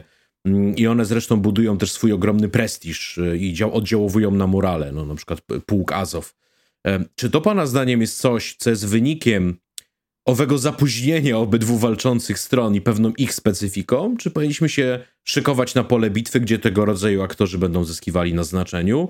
I sub pytanie, czy w związku z tym my może powinniśmy mieć grupę Chopina albo Moniuszki, którą byśmy e, zadaniowali, jeśli będzie taka potrzeba? E, tak, rzeczywiście, ale ja bym tutaj nie skłaniał się do twierdzenia, że mm, korzystanie z grup najemnych jest pewnego rodzaju zapóźnieniem i pokazuje jakieś słabości pod względem militarnym danej armii, z tego względu, że nawet Amerykanie korzystają mhm. e, przecież z tego rodzaju formacji. E, słynny, czy bardziej niesłynny właśnie Blackwater, który później zmienił jakby szyld, bo aż tak bardzo zasłynęli. E, więc e, tak, więc myślę, że rzeczywiście tego rodzaju ugrupowania, tego rodzaju formacje, one dają narzędzia, których może nie dać regularna formacja, regularne siły, regularne oddziały należące do sił zbrojnych danego państwa. Również z przyczyn politycznych. Tutaj no, dają pewne możliwości i państwo jest na pewno bardziej elastyczne w działaniu, jeśli posiada takie prywatne, mm, prywatne, nazwijmy to prywatne, bo w Rosji to wiadomo, jak to jest z tą prywatnością. Natomiast y, nieposiadanie takiego narzędzia oczywiście z pewnością ogranicza nas, naszą swobodę ruchu czy manewru. E, I wydaje się, że Polska, w mojej ocenie, też o tym pisałem ostatnio, powinna, powinna chyba sformować taką, taką, mm, taką formację, tylko Pytanie jest oczywiście później technikalia, jak to powinno funkcjonować w prawie, w porządku prawnym, w ogóle w, w takim naszym też e, zachodnim postrzeganiu mm, e, tego rodzaju działalności, czyli tak naprawdę no, komercyjnej, komercjalizacji wojny, czy komercjalizacji usług zabijania, bo też można do tego, do tego tak można spłaszczyć ten problem. E, bo to jest jakiś pewnie jakiś problem społeczny, jakieś tabu, które może trzeba byłoby przełamać. E, natomiast z pewnością jako narzędzie to by się nam przydało. E, no i jak to rozwiązać później prawnie, czy to pójść w model rosyjski, czy w model amerykański, czy jakąś stworzyć hybrydę, która lepiej by się sprawdzała w polskich warunkach, to już jest kwestia już rozwiązania szczegółów dla, dla decydentów. Natomiast uważam, że uważam, że coś takiego powinniśmy, e, takim czymś, takim narzędziem powinniśmy dysponować. Wróciliśmy niejako do Polski. Jeżeli nie macie panowie e, obiekcji, to chciałbym na te tory już po godzinie naszej rozmowy e, skierować jej dalszy tok i zapytać o pewną pańską diagnozę, z którą ja mam pewien e, problem. Mianowicie kilkukrotnie w książce pojawia się stwierdzenie, że Polska mogłaby być bramą na zachód dla Kijowa, ale zarazem, że mogłaby być liderem Dziękuję Marcin za pokazanie książki tym, którzy nas oglądają, a, ale także, że mogłaby być, e, to jest fachowy product placement, powinienem się uczyć od ciebie tego, ale także, że Warszawa mogłaby być liderem takiej regionalnej koalicji. Czy my sobie ją nazwiemy Międzymorzem, czy jakąś koalicją Europy Środkowej, czy wschodnią flanką jest drugorzędne, ale koalicji, w skład której wchodziłyby państwa od e, północy Bałtyku po e, Morze Czarne, od Estonii po Rumunię i Bułgarię. Otóż mój problem, bo go zaawansowałem, polega na tym, że nie widzę nigdzie w tych krajach ani polityków, ani przedstawicieli elit symbolicznych, które publicznie kiedykolwiek mówiłyby, że orientują się na Polskę, że potrzebują przewodniej roli Warszawy albo że czekają na nasze zdanie w jakiejś sprawie. Więc ja takich polityków czy liderów opinii w tych krajach nie znam, ale może pan ich zna. Tak, to jest doskonała uwaga. E, I znowu wrócę do tego faktora, o którym mówiłem wcześniej, e, czyli czas. Dziś tego nie widać, ale my myślimy o tym, co ma być za 10, 15, 20 lat. Ja uważam, e, nie wiem, czy akurat jest artykuł w tej książce na ten temat, być może to jest w trzeciej dekadzie, ale mm, ja uważam i też to opisywałem, że w najbliższej, e, w najbliższej dającej się przewidzieć takiej przyszłości w okresie krótkoterminowym, powiedzmy do 10 lat, na taki rodzaj konstrukt nie ma szans. E, również z tej przyczyny, że żeby coś takiego zbudować, potrzebujemy Ukrainy, ale Ukraina będzie po wojnie ledwo stała na nogach i ona będzie potrzebowała się odbudować. I dopiero wówczas, kiedy Ukraina się odbuduje i będzie stanowiła jakiś zasób, jakieś, jakieś aktywo, e, to dopiero wówczas będzie można coś budować z, z Kijowem I wtedy w oparciu o Warszawę, Kijów rzeczywiście można budować tutaj jakiś lokalny konstrukt, nawet polityczny, ale z pewnością gospodarczy i na pewno militarny. Ten militarny na pewno będzie powstawał najwcześniej, ponieważ mamy te zbieżne interesy z państwami bałtyckimi i z Ukraińcami, jeśli chodzi o bezpieczeństwo e, od strony Rosji. E, jakakolwiek ona nie będzie i w jakiejkolwiek ona słabości nie będzie, e, to cały czas będzie stanowiła element, element destabilizujący nasz region. Tak więc uważam, że na dzisiaj forsowanie jakiegoś rodzaju sojuszów, czy konfederacji z Ukrainą, czy jakichś takich konstruktów i w ogóle głoszenie tego przez polityków głównie, bo my sobie przecież jako publicyści możemy o tym mówić, uważam, to, uważam, że to byłby błąd. Po pierwsze, my musimy czekać, aż Ukraińcy sami dojdą do um, przekonania, że oni muszą, muszą um, postawić na nas. I dopiero wtedy, kiedy oni poproszą, dopiero wtedy będzie szansa na zbudowanie czegoś trwałego. Póki oni tego nie zrozumieją, a nie rozumieją jeszcze chyba teraz, nawet nie wszyscy, przynajmniej nie wszyscy, e, to my niczego siłą nie narzucimy. E, bo dytanga trzeba dwojga po pierwsze, a po drugie, jeśli my chcemy coś narzucać siłą, to znacznie większą siłę mają Amerykanie, znacznie większą siłę mają Brytyjczycy, znacznie większą siłę mają Niemcy wreszcie, a więc siła summarum, my możemy wywrzeć znacznie mniejszą presję na Ukrainę niż wszystkie państwa, które wymieniłem, nawet Francja. E, w związku z czym nie ma szans tutaj w tej krótkiej perspektywie na zbudowanie czegokolwiek. My musimy myśleć o dekadę, dwie dekady do przodu i budować swoje zasoby, zwłaszcza potęgę militarną, ale również gospodarczą, do tego, żeby, a także infrastrukturę, która będzie łączyć państwa regionu i będzie nam wspólnie budować prosperity, żeby wszystkie państwa między sobą. E, kiedyś właśnie wspomniany na początku Jacek Bartosiak się pytał, po co nam ta Via Carpatia prowadząca do Kłajpedy? Przecież to jest niezrozumiałe, ona powinna prowadzić do Gdańska. Dwa fakty. Pierwszy, który nie sprawdził, że z każdego punktu, z każdego skrzyżowania, gdzie ma być Via Carpatia na terytorium Polski, będzie bliżej do Gdańska niż do Kłajpedy, czyli będzie promować Gdańsk ta trasa, ale po drugie, co jest najważniejsze, to jest to ujęcie geostrategiczne. To znaczy, jeśli Litwini będą w Kłajpedzie zarabiać dzięki Via Carpatii, to to jest przecież nasze narzędzie polityczne, dzięki któremu możemy coś budować. I to jest jeden przykład z wielu, mhm. tak? Ale no wyobraźmy sobie, gdyby, e, gdyby Via Carpatia już była, Kłajpeda miała powiedzmy 20% zysku z Via Carpatii i nagle Litwini zrobili, e, zro, robią to, co robili już wcześniej. Czyli rozmontowują tory do Morzejek. A my robimy, e, powiedzmy, stawiamy remont na Via Carpatii. Miejscu gdzieś tam przy granicy z Litwą. Prawda, że jest różnica i tutaj chodzi o budowanie właśnie tego rodzaju zależności, które będą przysparzać nam wspólnie korzyści, ale które będą również jakiegoś rodzaju narzędziem. I tak jak mówię, to wszystko, to wszystko trzeba myśleć e, o, o tym daleko, daleko do przodu, bo przez następne, w mojej ocenie, przez następne 10 lat nie mamy co liczyć tutaj na jakieś super imperium lokalne, jakiegoś lidera i tak My musimy w tej chwili wywalczyć sobie, walczyć o tą pozycję, ale z perspektywą taką, że musimy być cierpliwi, praca organiczna u podstaw, e, budowanie, e, inwestowanie, zrobienie tej mrówczej, tego mrówczego zdania domowego, po to, żeby może, może przyszłe pokolenie miało z czego prowadzić politykę zagraniczną.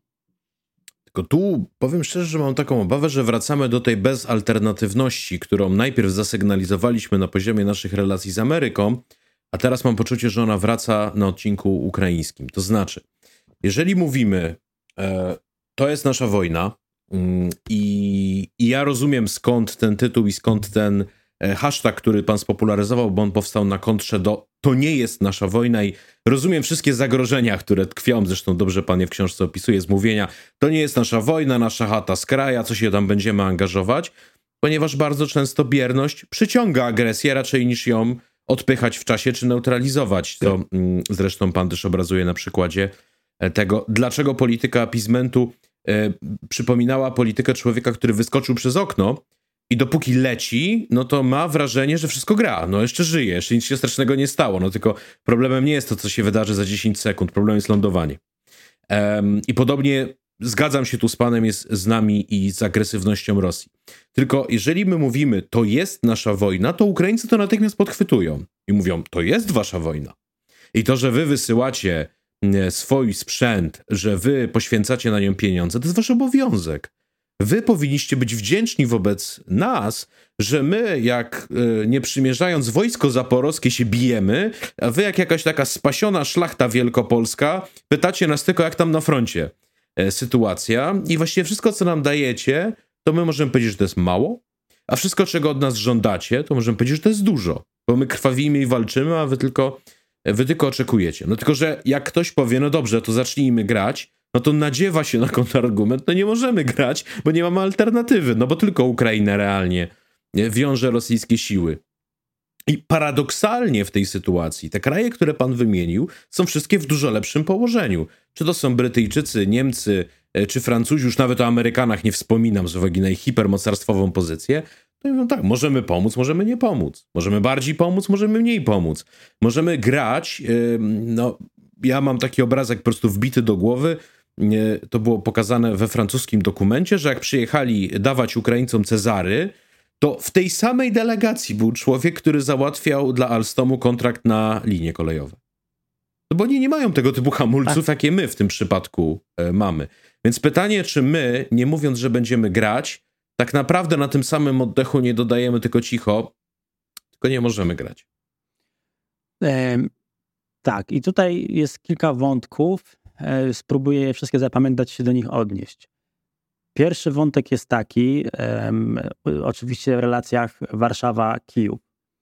Oczywiście, że do pewnego zakresu, jak już mówiliśmy na wstępie e, naszej rozmowy, interesy ukraińsko-polskie są zbieżne, ale w pewnym momencie one są rozbieżne. To znaczy, nam ten Donbas nie jest potrzebny, tak jak Ukraińcom. I my tutaj właśnie powinniśmy podkreślać różnice naszych interesów i mówić: słuchajcie, no Y, jeśli chcecie odbijać każdy metr, no to jednak musicie płacić, e, bo nam to nie jest e, potrzebne do niczego. Wy się po prostu dla nas musicie obronić. E, dla nas jest ważne to, żeby Kijów został niezależny, a Kijów w tej chwili nie jest zagrożony. Prawda? Tak więc jest pole, jest tutaj pole, żeby kontrolować przy stole negocjacyjnym Ukraińców. Oczywiście nie możemy tego robić publicznie, bo jest jeszcze ta gra społeczna, która jest dla nas niezwykle niezwykle korzystna, bo pierwszy raz w historii z tego, co ja się orientuję, jednocześnie zostały spełnione trzy warunki. Dla Ukraińca Rosjanin jest wrogiem, numer jeden. Jednocześnie Polak jest przyjacielem numer jeden. Jednocześnie Niemiec jest nielojalny i nie można mu ufać jak nikomu innemu. Te trzy warunki zostały po raz pierwszy spełnione razem, łącznie, w związku z czym ta fala społeczna, te procesy społeczne na Ukrainie, one idą w korzystnym dla nas kierunku i to będzie miało wpływ znowu za 10-20 lat w polityce będzie miało z pewnością duży wpływ. Zresztą ta, ta lojalność też jest, że lojalność, ta determinacja i pokazanie, że jesteśmy wiarygodnym sojusznikiem Ukraińców, jeśli tak to można szerzej nazwać, bo wiadomo, że w formalnym sojuszu nie jesteśmy, no to ta um, wiarygodność jest też walutą na arenie międzynarodowej. E, tak więc te wartości, one rzeczywiście odgrywają dużą rolę w, w, w, na, w geopolityce. O tym nie można zapominać. E, natomiast e, także, także tutaj bym grał w ten sposób, tymi, tymi właśnie rozwarstwieniami w interesach między Polską a Ukrainą, a te rozwarstwienia są, występują. Natomiast w kwestii tego, czy my nie mamy alternatywy dla Amerykanów w kontekście tego, tej budowy jeszcze tego bloku, jak rozumiem, tutaj w, w środku Europy, i, który ma, miałoby być oparty o o Ukrainę. To znaczy, trzeba pamiętać o tym, że ja mówię o sytuacji, w której jesteśmy już po wojnie, Ukraina się obroniła, e, bo póki ta wojna trwa, to w zasadzie my jesteśmy zawieszeni dalej nie jesteśmy w stanie nic zbudować, nie jesteśmy w stanie myśleć, znaczy możemy się przygotować do tego, co będzie w przyszłości, ale dalej nie wiemy, jak, jak się rozstrzygnie kwestia Ukrainy, bo może ona przegrać. A w tej chwili uważam, że na ten stan dzisiaj ja, ja oceniam, że Rosjanie niestety, ale prowadzą swoją grę i, i są bliżej zwycięstwa niż Ukraińcy. To znaczy w takim kontekście, że. A co to znaczy zwycięstwo dla Rosjan? Przejęcie kontroli nad Ukrainą. E, ja uważam, że e, im dłużej ten konflikt trwa, tym lepiej przygotują się Rosjanie na kolejne uderzenie na Kijów e, i tym słabsza będzie Ukraina w momencie, kiedy to uderzenie nastąpi. Bo w mojej ocenie strategiczne cele Federacji Rosyjskiej się nie zmieniły. Mm, przejęcie kontroli nad całą Ukrainą, a nie uzyskanie jednego czy dwóch obwodów e, Doniecka, czy tam połączenia do Krymu, to, to, to przecież nie, nie, o to, nie o to toczyła się wojna. Nie to było celem e, głównym operacyjnym wojsk Federacji Rosyjskiej wkraczających 24 lutego. E, I nie o to chodziło Putinowi w tej szerszej układance e, w konflikcie z Zachodem. E, tak więc wracając jeszcze do tego wątku polskiego mm, i tej bezalternatywności, to znaczy ja wszystko to, co mówiłem o tym naszym lokalnym sojuszu, nazwijmy to przyszłym, do którego powinniśmy i, i powinniśmy się przygotowywać do roli lidera w tym sojuszu już teraz, to uważam, że to wszystko, e, to wszystko jest osadzone w, kontek- w takim kontekście, że mm, jeśli Federacja Rosyjska przestanie być zagrożeniem dla Stanów Zjednoczonych i dla NATO, a może tak się stać po porażce na Ukrainie, wówczas Amerykanie po prostu stąd wyjdą. Może nie politycznie, może nie od razu, może to będzie stopniowo, ale E, będziemy musieli zacząć sobie radzić sami. E, nie wiadomo, jak. Panowie, to jest tak. My, buduje, my kupujemy dzisiaj e, czołgi, helikoptery, samoloty, satelity. Budujemy armię, która ma powstać w dwa, około 2030 roku. Ten sprzęt mhm. będzie około 2030 roku. Czasokres służby takiego sprzętu, im droższy, tym przeważnie więcej służy dłużej służy, to jest 20, czasami 30 lat. Czyli my mówimy o perspektywie, jeśli chodzi o budowę armii i bezpieczeństwa Polski w przyszłości. My mówimy o perspektywie nawet 2050 roku. Kto mi powie, kto mi dzisiaj obieca, że w 2050 roku NATO będzie istnieć? Ja mówię o takiej perspektywie, bo y, my budujemy w tej chwili armię na rok 2030, ona dopiero wtedy będzie chyba gotowa, jeśli zdążymy, i ona od tego czasu to będzie służyć przez 20 lat. Także ja nie wiem, jak, co tutaj się będzie działo i jak Amerykanie będą mocno nam gwarantować bezpieczeństwo w roku 2040 na przykład. Jak będzie sytuacja wyglądała z Rosją. My mówimy o takiej perspektywie.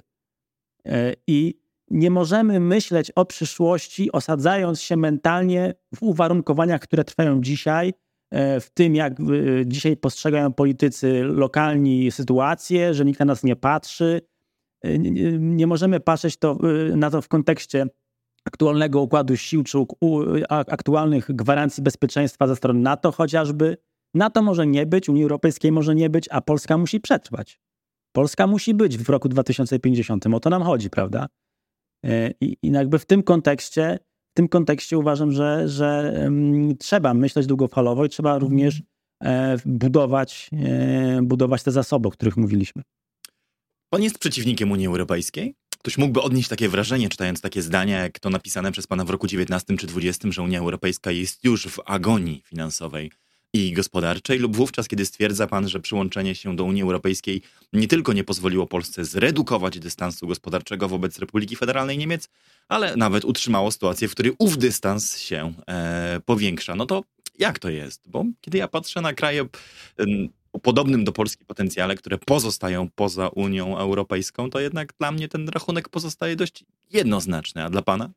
E, tak, i sam podawałem ten przykład. Podawałem przykład Białorusi, to w trzeciej dekadzie o tym pisałem chyba szerzej. E, podawałem przykład Białorusi i Ukrainy jako państw, które nie weszły do Unii Europejskiej i się rozwijały znacznie gorzej niż Polska. E, tak więc w tym kontekście ja nie jestem przeciwnikiem Unii Europejskiej, ale nie jestem zwolennikiem postrzegania jej E, jako wehikułu, e, który tylko i wyłącznie ten wehikuł owy może nam przysparzać korzyści i wehikuł, na którym trzeba za wszelką cenę siedzieć i siedzieć cicho przede wszystkim. Tak jak już mówiłem na wstępie, e, w mojej ocenie jest to forum, na którym trzeba się spierać, trzeba mieć argumenty, żeby wypracowywać konsensusy, a więc postawa bierna jest postawą wbrew, wbrew naszym interesom bo każdy o te interesy w Unii Europejskiej walczy i każdy przecież sobie wydzieramy, to widzimy na co dzień. Francuzi, Niemcy, e, zwłaszcza, ale również Włosi, przecież jak się bardzo biją o swoje interesy w Unii Europejskiej. Także to widać e, i my się powinniśmy tego nauczyć. To znaczy nauczyć się e, tego, że bycie w Unii Europejskiej to jest właśnie walka w tej Unii Europejskiej o swoje interesy.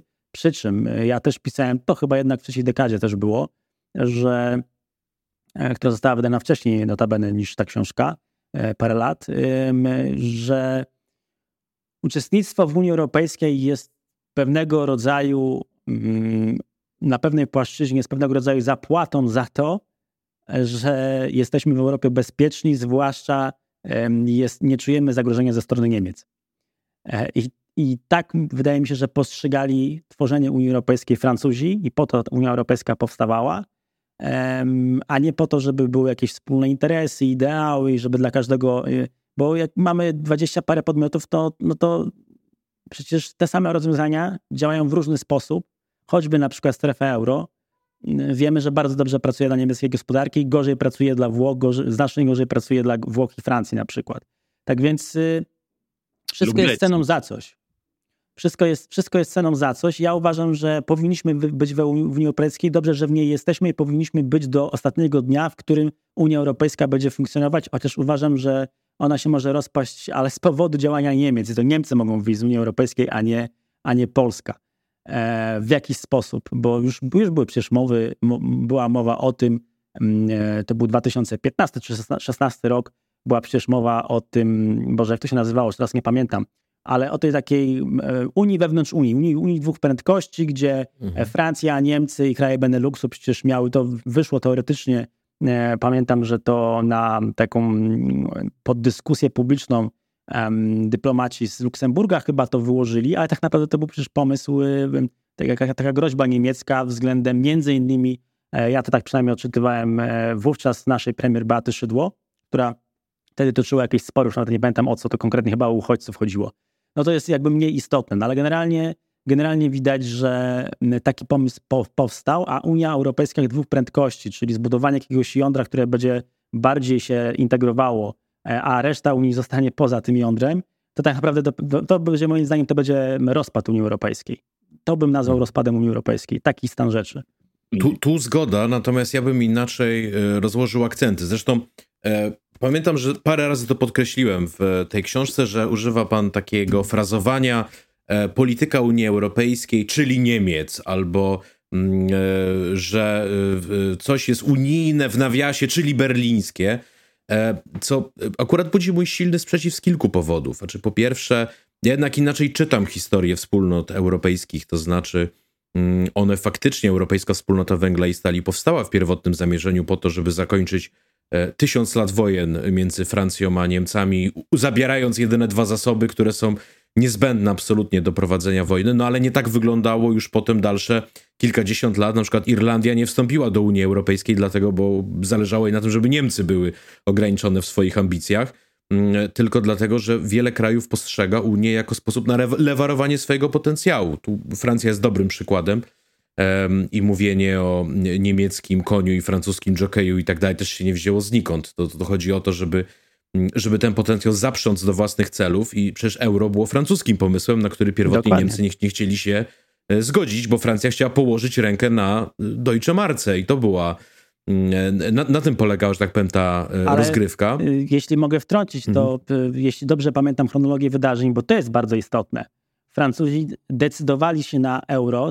Decyzja była podejmowana w sytuacji, kiedy jeszcze było RFN, a euro było już wprowadzane, kiedy Niemcy je się jednoczyły. I to, było, to była olbrzymia zmiana, bo um, w tym momencie Francuzi się zorientowali, że um, ok, oni chcą zaprząc tą gospodarkę, e, gospodarkę e, niemiecką do, do, swoich narzędzi, czy powiedzmy chcą okiełznać i przede wszystkim zdemilitaryzować Niemcy, ale oni cały czas myśleli o RFN-ie. A RFN politycznie nic nie znaczył wówczas. Prawie nic nie znaczył w Europie. E, kiedy się budowała Unia Europejska, jeszcze wcześniej, wcześniej to, jeśli szerszą jakby perspektywę rozłożymy, i w momencie, kiedy um, upadł mur berliński, mamy rok 1991, 90, 91, 93 wreszcie, Francuzi budzą się w zupełnie innej rzeczywistości. W rzeczywistości, w której Niemcy są scalone i są tak naprawdę największym głosem w Unii Europejskiej, a, a, nie, a nie, wcale nie są słabsi od Francuzów. Tak więc Francuzi na wiele rzeczy, znaczy oni, wydaje mi się, że oni chcieli bardzo mocno pójść z tą integracją yy, i nagle zorientowali się, że ta integracja nie będzie na ich korzyść, tylko, tylko będzie na niekorzyść, z tego względu, że e, Niemcy się połączyły i stworzyły jeden duży, stworzyły jedno, jedno duże państwo, które jest dużym graczem, większym niż Francja. Bo te, no, tu, tu, nie chcę wchodzić w długą polemikę, ale 92 rok, Maastricht, Francja przy okazji Maastricht, już po zjednoczeniu, podniosła wspólną walutę jako, jako jeden z elementów, który miał że tak powiem, e, doprowadzić do tego, że Francja zgodzi się na, na, na traktaty, które szły mhm. E, dalej, zresztą wbrew własnej opinii e, publicznej. Natomiast zmierzam do czegoś innego, jakby swojego zasadniczego argumentu, że ciężko według mnie dowieść tej tezy, że Unia Europejska równa się Berlin. Ja rozumiem, że ona jest często tak, takim publicystycznym skrótem pisana, no ale jak spojrzymy na konkretne zagadnienia, fundusz odbudowy po covid Niemcy go nie chciały, Francja porozumiała się z Włochami, Hiszpanią, Portugalią, no z szeroko rozumianym południem, w które COVID uderzył potężnie i lockdown również, no i jednak fundusz odbudowy był. Podatku węglowego Niemcy nie chcieli, y, tu z kolei państwa skandynawskie dołączyły do koalicji, gdzie, mm, e, gdzie jednak większość się dlatego znalazła. Podatek dla od cyfrowych gigantów, tak? Niemcy z uwagi na swoje bliskie relacje z Ameryką E, zawsze były mu przeciwne, no te, teraz ten opór słabnie. Jest kwestia ochrony unijnego nieba. Jak? Niemcy przekonały kilkanaście państw do swojej wizji, Francja przekonała jakąś grupę państw do swojej wizji, gdzie swoją drogą wraca to zagadnienie, Amerykanie cały czas, żeby wszystko było proamerykańskie. E, więc tu mamy kolejne y, pęknięcie. Tak? Czy wreszcie Francja poparła przyjęcie Ukrainy do NATO, a Niemcy cały czas w tej kwestii E, milczą, e, więc mamy tutaj naprawdę, powiedziałbym, bardzo złożoną grę interesów, w której bywa też tak, że Niemcy przegrywają, idą na ustępstwa i tak dalej. Mało tego, ja bym no, moim jeszcze... zdaniem mhm. nie, nie uzasadnia mówienia, że Unia to Niemcy, bo e, Niemcy może by tego chcieli, ale no, nie, to nie są Stany Zjednoczone, żeby tak naginać innych do swojej woli. Ja bym dodał jeszcze do tego jeden argument, to znaczy przecież e, euro, Europejski Bank Centralny, który teoretycznie znajduje się w Niemczech, tak naprawdę zarządzany jest przez e, państwa, dotychczas był zarządzany przez, przez prezesów, do, którzy pochodzili z państw najbardziej zadłużonych, z którymi w zasadzie na tej płaszczyźnie ekonomicznej czy walutowej Niemcy walczą, czyli Francuzi, Włosi. Także jest dużo takich płaszczyzn, e, gdzie rzeczywiście, no, w zasadzie na wszystkich, tak naprawdę w Unii Europejskiej nie ma zgody, nie ma, nie ma jednoli, jakby jednolitej e, polityki, czy jednolitego interesu, nazwijmy to w ten sposób, w większości spraw, tylko że to uproszczenie, e, przynajmniej w moim wykonaniu, bo to nie będę też się wypowiadał za ogólne jakieś, za, za, za uogólnienia innych, w moim, w moim, gdy ja to używam, e, używam to do, e, głównie do płaszczyzny geopolitycznej, e, postrzeganej z perspektywy Polski, w rozumieniu takiego kontekstu, że za politykę na wschód od Niemiec odpowiadają jednak Niemcy.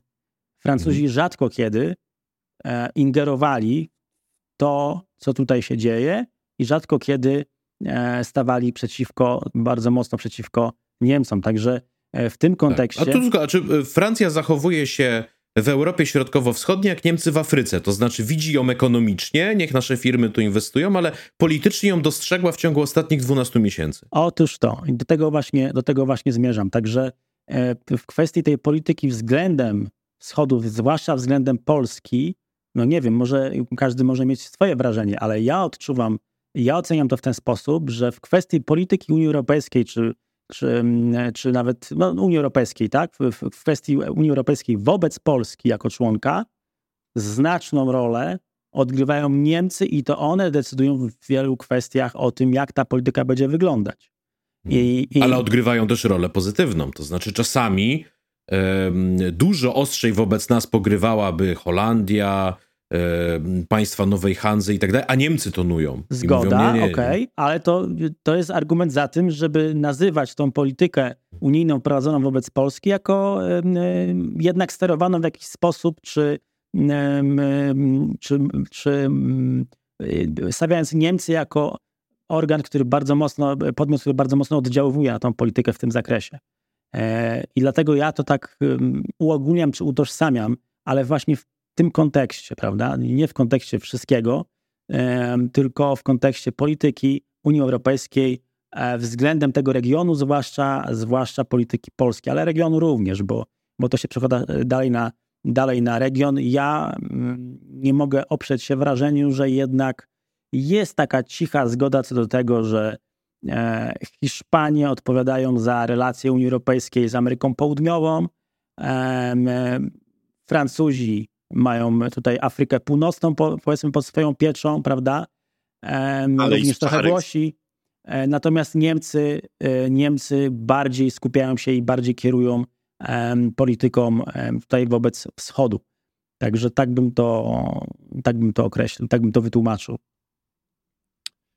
Zbliżamy się do końca naszej e, rozmowy. Ja mam jeszcze jedno pytanie, albo, albo dwa, mm, o pewne, o pewne mm, sprawy graniczne, tak bym to nazwał. E, czytając pańską publicystykę, nie można uciec wrażeniu, że nie jest pan, delikatnie mówiąc, fanem wysokiego zadłużenia publicznego, ale zarazem mocno promuje pan tezę, że powinniśmy doinwestować polską e, armię. No, nie da się uciec e, od faktu, że zakup zachodniego sprzętu, czy będzie to sprzęt amerykański, czy koreański, wiąże się z zaciąganiem kredytów w obcych walutach i siłą rzeczy zwiększania udziału obcych walut w polskim długu publicznym. E, zarazem widzimy też, że wpływy podatkowe w Polsce maleją. Ich udział w PKB w roku 2022 był najmniejszy w znanej nam historii. I chciałbym pana zapytać o to, jak pan to wobec tego e, widzi. Nie chce pan zwiększenia długu publicznego, ale z pewnością ma pan świadomość, że dofinansowanie polskiej armii, szczególnie w skali, o którą pan by się upominał, będzie wymagało bardzo drogich e, kredytów inwestycyjnych, kredytów po prostu na zakup tego uzbrojenia, czy to zaciąganych u e, Amerykanów, czy Koreańczyków, czy w dowolnej innej obcej walucie, kogokolwiek wybierzemy na ostatecznego dostawcę tego sprzętu.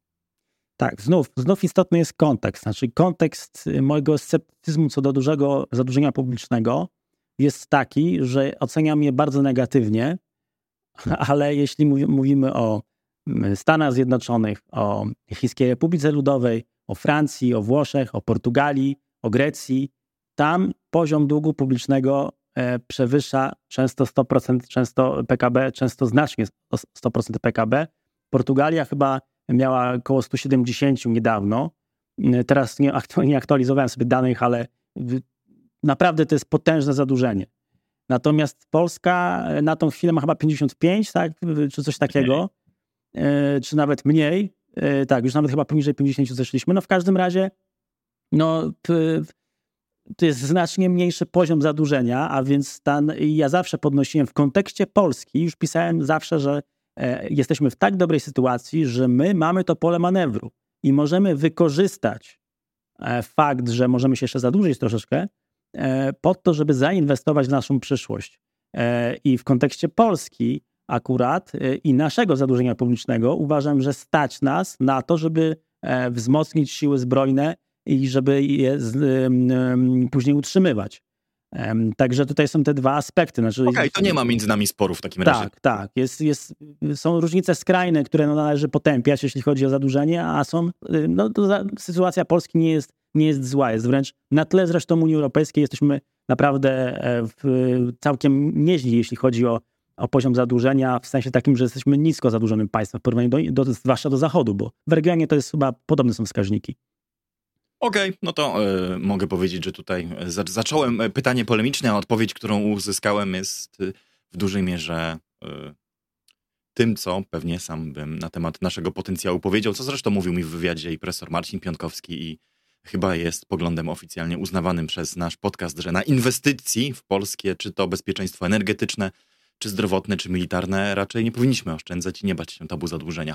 Marcin, chcesz e, przejąć e, pałeczkę, tudzież mikrofon tak naprawdę i zadać ostatnie pytanie?